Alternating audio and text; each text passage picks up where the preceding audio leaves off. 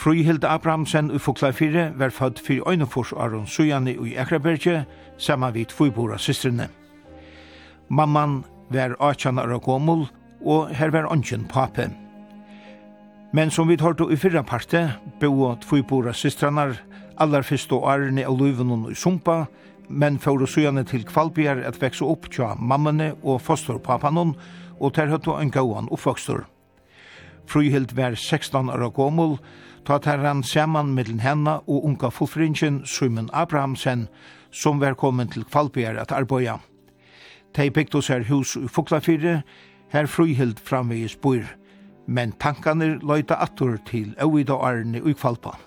Da jeg bo ut i skalen, da måtte jeg kjeipa mjölk i tankene, til Daniel Johan av tankene. Og så måtte jeg ganga et skør noen, eller et, og spalt et santen.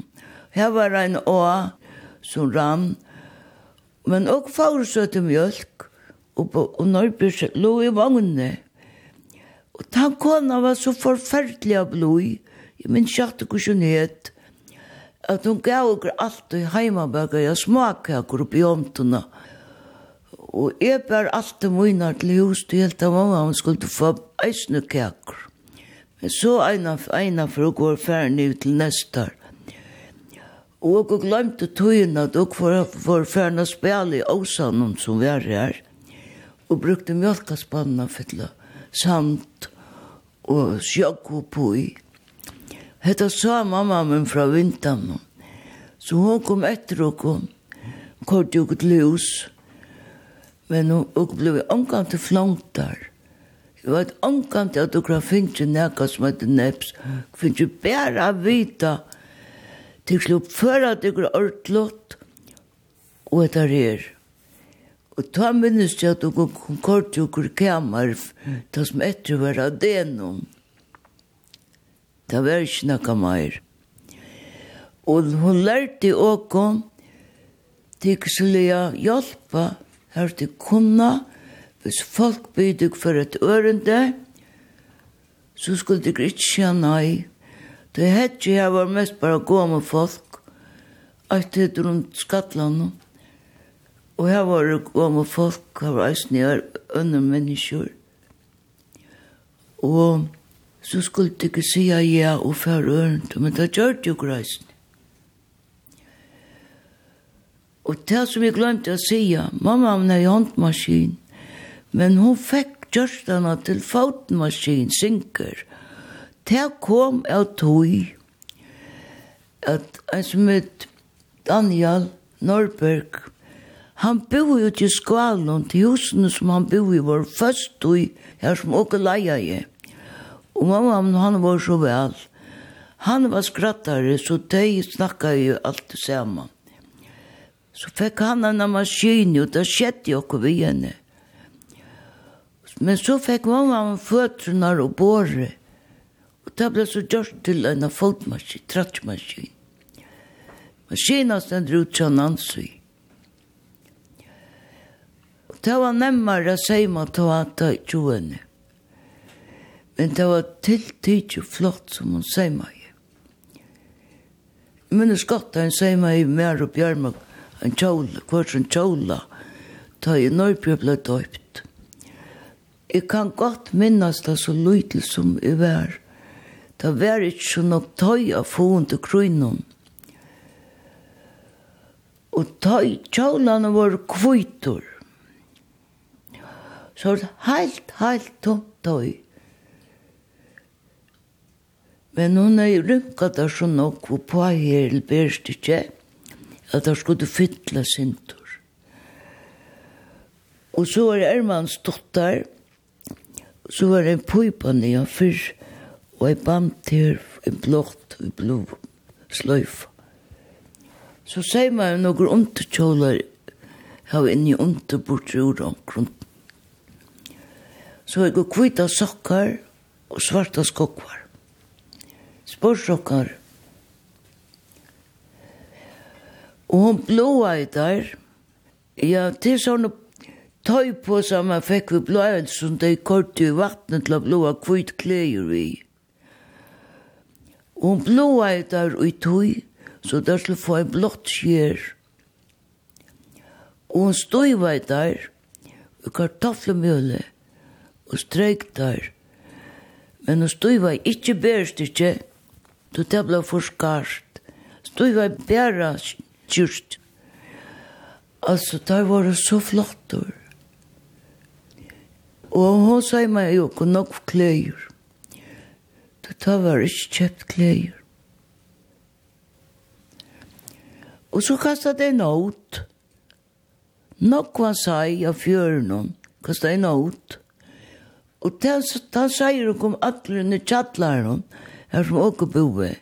Og så kom alle kruja en som er betryna og slekt raun og med av rennare de kom med krulja sajon og flere ønner så finnes det sajvitser så det ble stokt og sajor koka livor og saj og så var det knett av saje og det var frukadeller av saje så langt som det kunne brukast det var ikke lekstiet Men seieren ble greipa og rongt opp.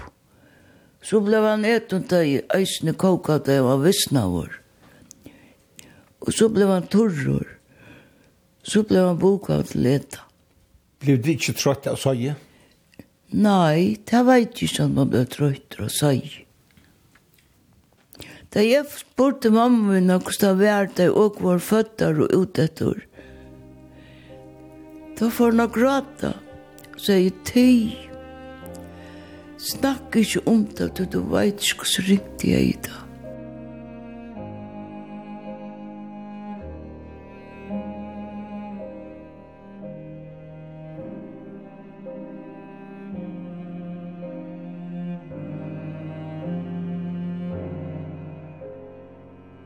Og i ungdomsåren var Fruhild Abramsen nekv atur i uppronalig heimbygdene Sumpa fyrir at hjelpa ommeni og abbanon som høttu ein gær et røtja og tog var nekv at teka håndu i her. Det ble torvskår i her og det var abbanon som fóru i Akraberg han skær og jeg var bort og dum men da if flente da, da første er nok for å kjøre torv.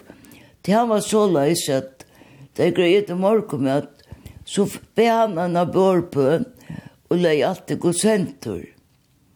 Og færre så Østri Akraberg og han er jo heka vi og pinna grev og er en av taske vi med til å drekka i jontene.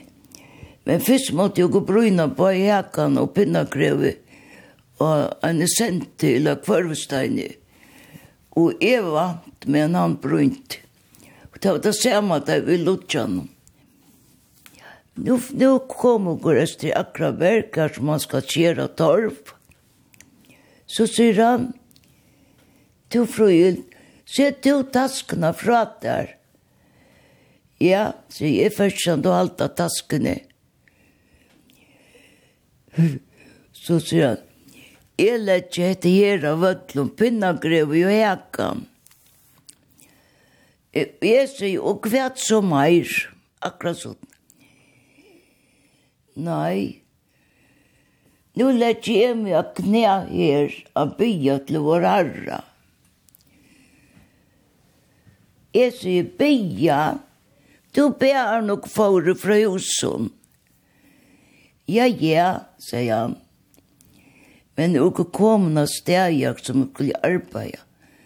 Nå lett jeg til i god søntur, og til og med arbeid jeg skulle gjøre. Jeg ventet meg vi og flente. Så i min arbeid virka jeg at da man er unger, så er det arvesinne. Så skjer han og jeg bare borster, og så får jeg glosatter. Og så løs vi at han får slåa for når när gjør det og slåa. Han kjørte det samma oppe. Bär til godt. Og om man får veien, altså veien som man kort til kortade kort til man fant av veien, og så nye nätter. Og om man för veien, her gikk en med vår og noen andre folk som skulle arbeta i hodge, eller för hodge. Og han leika i, og skjelta i, og banna i, det var ikke løyte. Og appen er seg knea byen nedenfor veien. og, og jeg som er og sa nok til, og, og han råpte, Jakke Paule, Jakke Paule, hva er det du gjør? Appen sverer ikke. Men det Abba var ferdig fra byen, da reiste han seg opp og sier, «Tu skulle til helte gjørst det samme, helte enn jeg ganga, og banna arbeidsfolk til kjøttar, nye til den nye mannen.» Så det skrekta fyrir seg.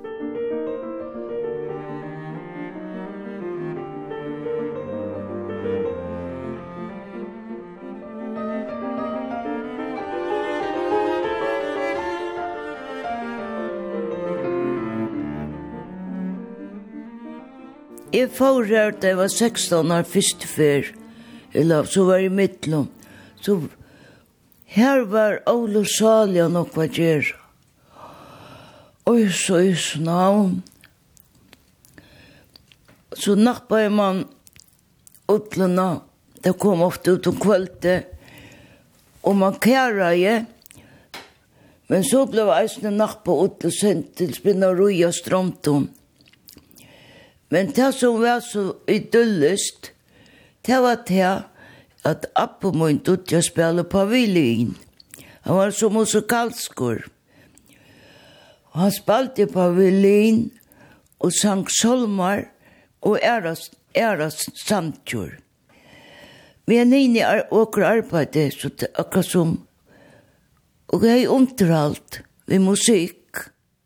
Det var øtt som musikalsk han tog til eisne spil på harmonik, til han spalte til dans og sumpa, og yngre arum.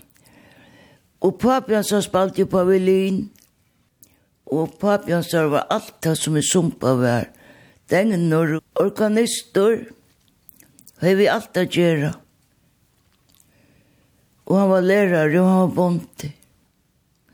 Og så det sveta, Og det var nok for herne for ut, og det var gjøren ikke samla. Og det mennene for å reka om heste, det var ute av jøyene ut av vik. Det var langt av fjæra, men så høvde der bil og, og køyrik det råpt, Så gikk det den veien, da får det til vikabyrkes. Og ta kom mennene om morgenen, a fossar eta arta fori ut av vik. Det var det var reka til skor. Og der finnes jo smurta mat vi ser til å ete ut i hianen. Jeg vet ikke hva det er til drekka, det vet jeg ikke. Og så da det var ferdig å reka, takk rådget av seion til sumpjar og eitt bein ble bundet opp. Og så ble seier om bøyter. Seier der som rådje skulle de ha syna løn. Men så finnes jeg der rastkjøtt og sopa. Da der kom i attor, og pavnekaker og kaffe. Og der hjalp det til å fletta seg om, og om man då til å gjøre et slags øl. Det er et malt, som hun brukte. Så hun gjør det til meg, ned og gjør det det, det vet jeg ikke. Det var ikke så han å gjøre det, eller ikke jeg. Så der finnes jeg eisen på munnen av tog. Og der var vel for entur. Og en tjøysen, jeg gikk eisel nøytar. Den nøytene var i hjenom. Så da det leie ut, så ble nøytene sett av beite. Det råpte opp i atikkund, og slå ganga nian etter krossgjør. Og opp på mæmaren. Og jeg var så nøytene. Og det var visst delt opp hva nøyten skulle eta og hva man skulle hodja. Og grei en hest eisne. Og okker åtja i eisen ut i kinnaskare, det var ute motor, ute man får under hemmar. Og det gjødde nok var bøker, a leie opp, det var alt av gråt. Da i heste kom, eller vetron, ta ble likort nyer, gråt ikke ur, så sier hun slapp inn i bøy. Så det var nok var li oppatter. Og Åkos det lot i Akrabergje, da jeg samlet i torve saman, først skulle det bærast ut, og så skulle det sittast opp. Ein torve blått fløt, og så eller så, og så var ein så. Og så skulle det misskiftast, så ta ble det sett opp i eld, det vil sija, sånnar. Og så skulle det at det misskiftast, og settast opp i en større eld. Og så skulle det bære, det bære sammen. Og det ble så kort og lot.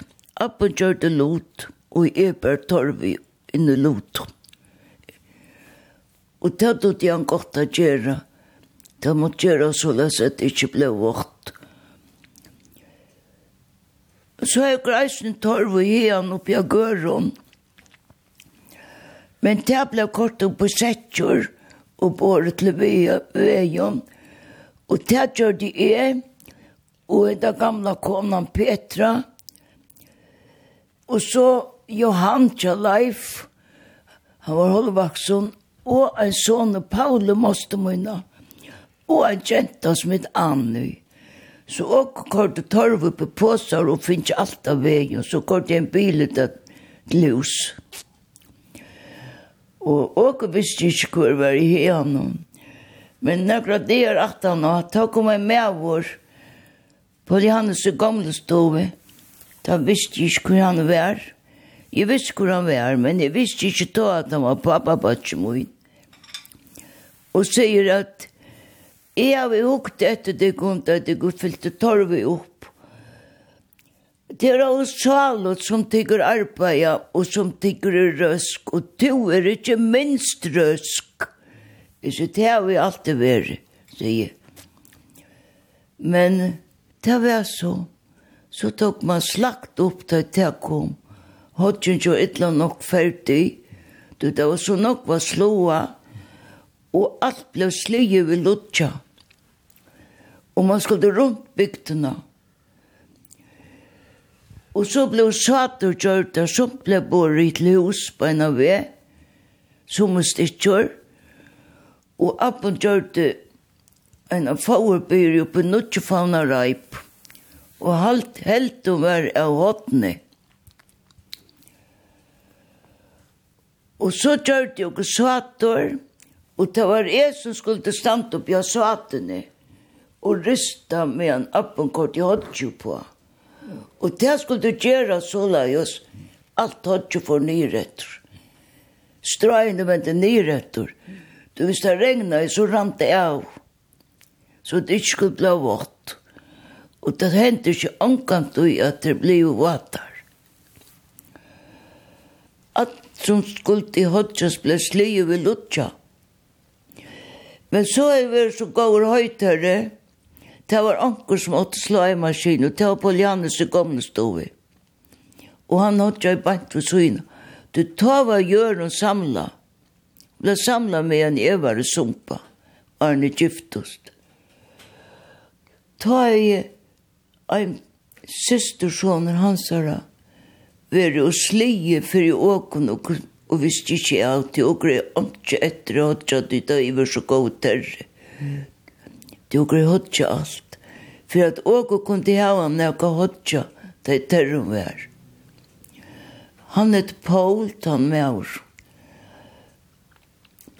Mamma hans har ur faste mointe, men det visste jeg ikke så nok omtå. Så han er vi skleie for jeg hjelper på meg, og jeg har nok abba næsla teg. Det også var så grulig vel og det var pøntkjørt.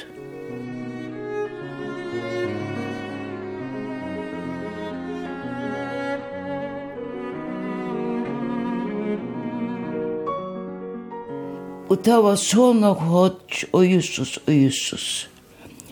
Og jeg fyllte i hodjuset, Og så måtte jeg vi steia ut av over i horen i kjøltren og til å stappa det trøsta inn.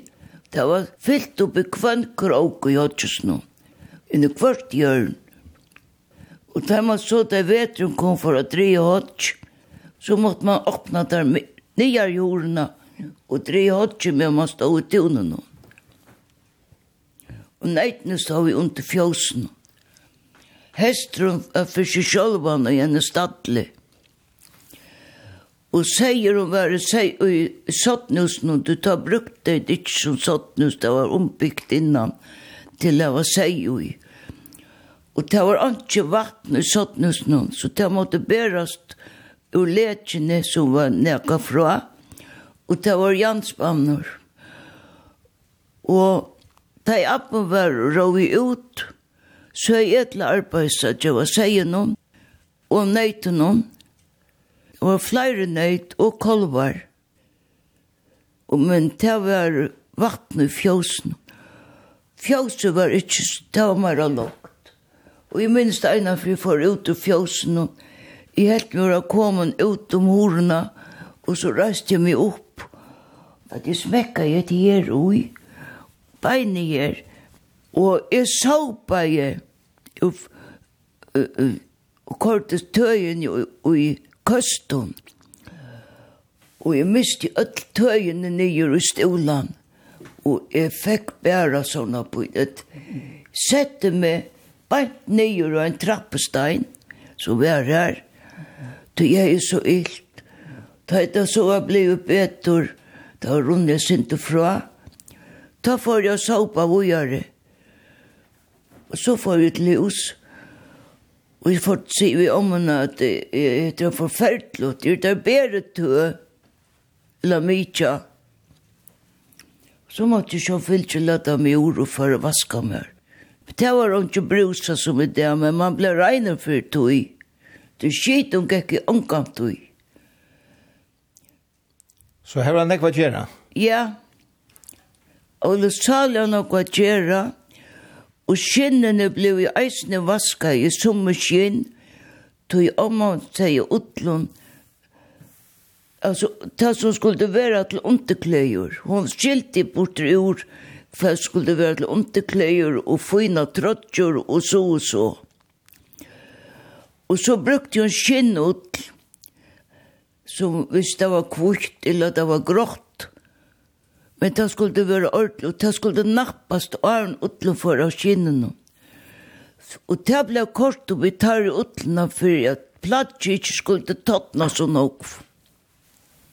De brukte eisen utlene av seierøtten da det klippt til å køre opp i skipsvøtter, så det ikke skulle tåttna så nok.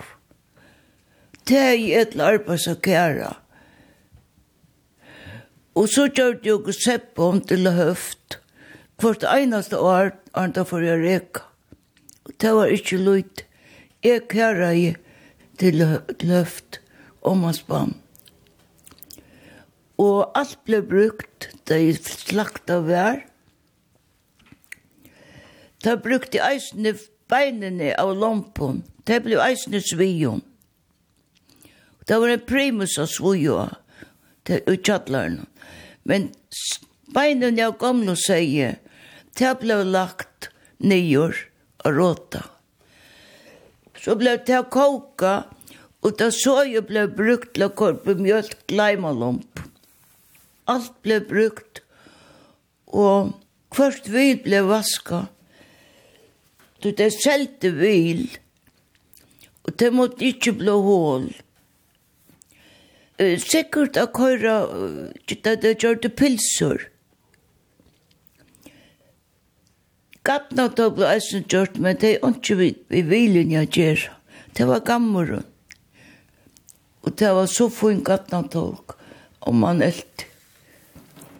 Og hun var så mjuk og lekkur.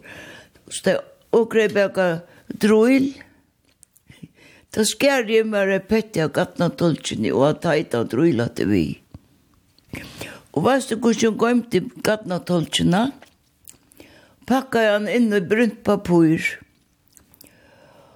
Og i tjattlar var var ta på tonkvegg, på tonk, grumton. Erva var husen i vejor. Og og grunden var så bra i, så gattna dolce ble lagt her i innumtur og i myskri, så hun heldt seg betur. Og da skulle de elta så vel at han måtte ikke glopp for en joi, og hun ble, var så god, og hun ble omgang til blamskott. Det gattna tog som er ordentlig eld, var ikke blamskott. Det er vi østjøk at nå tolker.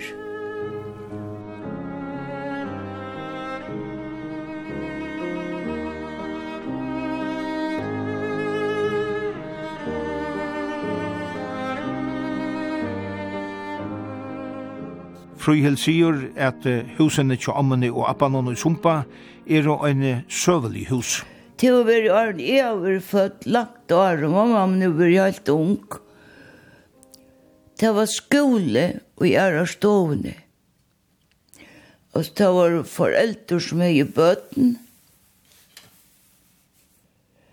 som ikke vil til at det var kommunskolen, eller hvordan det Så en som heter Morensa Thomsen, hei skole i æra stovene, Jeg har ikke omvendt det, men da så var det inne av ganskjennom så skulle foreldre betale i visst til at skolen kunne være her, så hun kunne få løn. Og så skulle foreldrene leta torv til varma, så det var en stor ovn, rumtor ovn i stoven, jeg var så hår, så jeg stor en krans rundt han om. Men så gikk han skolen helt opp at, så det ble for dusj tja taimus måtte bøtten, det klarer ikke å betale for at han kunne være. Hette er var Arn Ever født i lungt av leie. Det var mamma var ung. Og om man hjelpte noen folk som var sjuk, som jeg finnes til børsklar. De rasa i så nok her sjore, som var stenne, særlig og i loppra, ja, omkran sumpa. Så hon började om ägg og mjölk som han tjottade og kött. Og jeg minnes eit helste. Ta sig om han vil med. Fröjult. Du skal føre et ørende for meg. Ja, hver skal jeg fære, sier jeg. Men du skal bo inte av det myrst. Du skal færa vi mæte til disse åndsjene som sitter over bøttene, og de eier åndsjene, Hun eier åndsjene, djeva dem, annet det som sjokkvor og nevor djevor. Og så sier kvøy, ta seg hun akkurat disse årene. Nå hava vikt slakta så nekv. Kvoi skulle vikt hava så nekv, og bøtt sitta svank og jeg får et tjejhus. Og hun fylte jo på Jannas spam. Det var bare krov vi ikke bare ut. Hun fylte Jannas spam, sier det til å overast, men sånt bare igjen omkronøren. Vampene og blåvet, det måtte være for seg. Og henne fylte hun fullt sjei ferur. Og jeg minnes eit hus jeg kom ui. Det var ikke lekstiet, og det var myrst skvimlott. Du ta brukte ikke så sljås i gangen om. Men jeg banka jo på,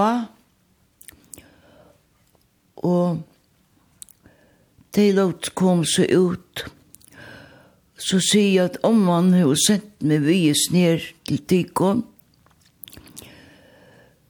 ta sier jeg et av bøttene, jeg visste at du får å komme.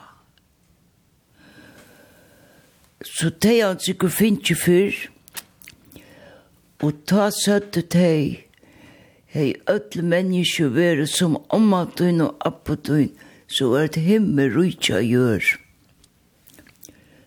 og jeg var tjei i husen vi en sånnar mångt.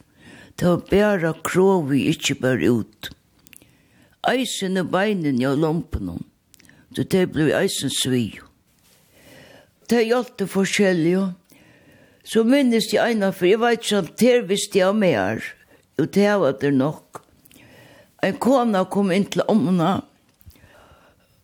hun begynte å gange til gulven, og hei hendene så løs. Ser man, akkurat så dømmer byer.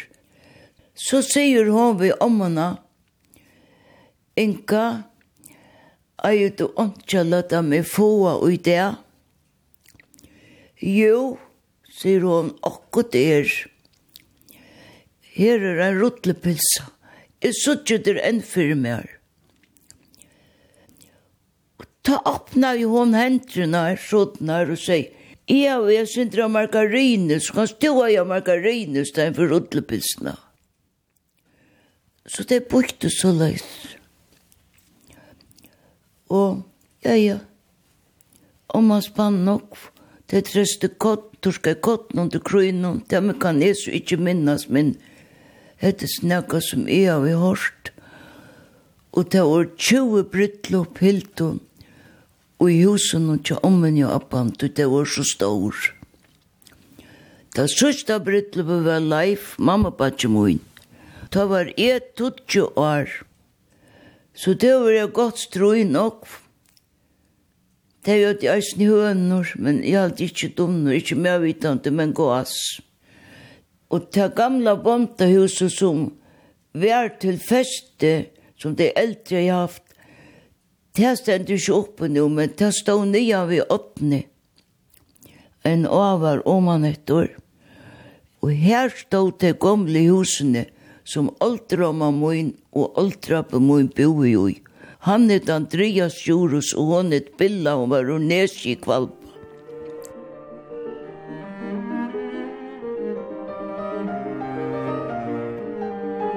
Mæver Fruhild, Simon Abrahamsen, som antagist fyrir fem åren sujane, var virkjen mevur av Imsun Øtjon, og ta mest i heimen negv, sier Frihild.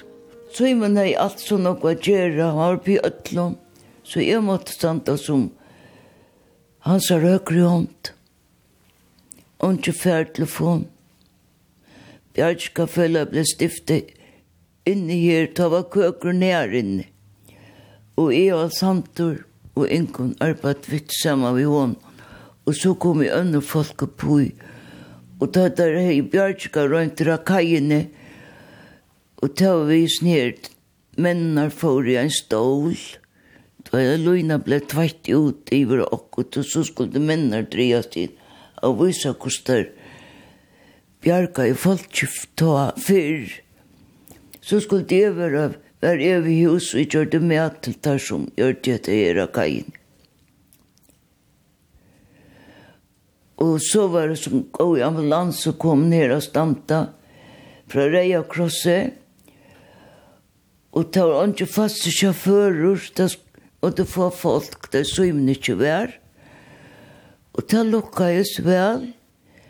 Kommunene fukla for skuld i husa bilen Men det ble omkant og jeg får tog som reka bygdene. Og så gikk jeg ut i nattene, og hittet til bilen. Han er så nok ved bilen av greien som hospitalet ikke er, eller ambulansene er her. Tar høtte nækka som ikke en breit beinet så ble det kort opp på beinet og pumpe opp for å støtte, eller en arm, eller kveta vi er. Og hvert svev vi ikke. Jeg svev ikke, du, jeg, jeg, jeg, for ut av hittje om alt var i orta. Og han redde i nok folk, og det var i eisen nok som ble født og inn. Og så er man lært seg å køre Danmark til Falk. Han og Ivan Johannesen går av landsakøring i Danmark til Falk. Og hette var Arjen, den ambulansetjenesten som vi nå kjenner, ja. kom i gang. Ja, ja Og det var misfort, det ville ikke ha hun at det skulle køyre. Du, det troet du at der tog ikke arbeid fra taimen. Men det var ikke så, du henne klarer ikke å køyre alt. Og så er man for til. Nå fer jeg til havner, og der skulle jeg aldri vinne til at jeg ambulansekøyren ur Østrøyden. Han vann. Tog jeg køyre uker. Tog jeg er i Østrøyden begynningen kvart felt. Han var i kommunene og arbeidsmannfellene her. Han var før i arbeidsfellene. Ja, alt. Og jeg skulle stand inn og ta mot å bo. Eller ta mot noen bo og flytta til et land. Og det ble gjort. Det var ikke som kiksa i. Han brann med over i over 40 år. Nekvar minneligar løter i rom. men særlig vel minnest Fryhild Abrahamsen til ståra verkfallet tja arbeidere fellunum. Altså, ja, det var ikke minst hentet, jo. Streikan som var kottla fyrir. Så jeg måtte ha det her i haun for arbeidsfella, og så ble det streikat, Tui at sottmålen kom ikke djøgn noen lilla pengtasflutlige. Der streika jo om noen prosenter. Og ja, så jeg kom så attor. Og jeg sier at hvor kunne det ikke gjøre det samme som han arbeidsmannfellet, at hatt av prosenter for en grunn. Tui at arbeidsfolk ikke har førje arbeidsfellet vil ikke, da vil jeg ha det utbetalt. Det var det som streikan var om, og okket anna. Og så kom streikan, og han får til havnar, det var ikke hva det var for det, han får til havnar, og han vekk i en heila vike.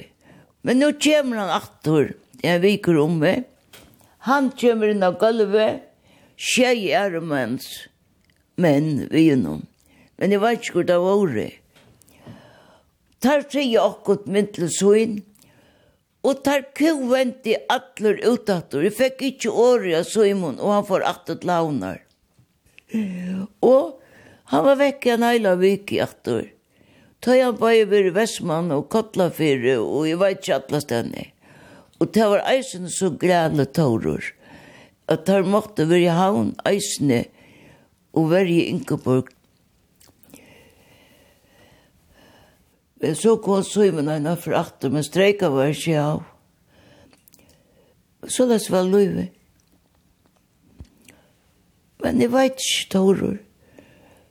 Her gikk alt. Det ber alt til. Og her var nok folk alltid inne. Og Simon var en oss som, han ble ikke ytler, men han fikk det i gjøgnet som han skulle gjøre og jeg vet omkant til at han har vært ytler og nøk.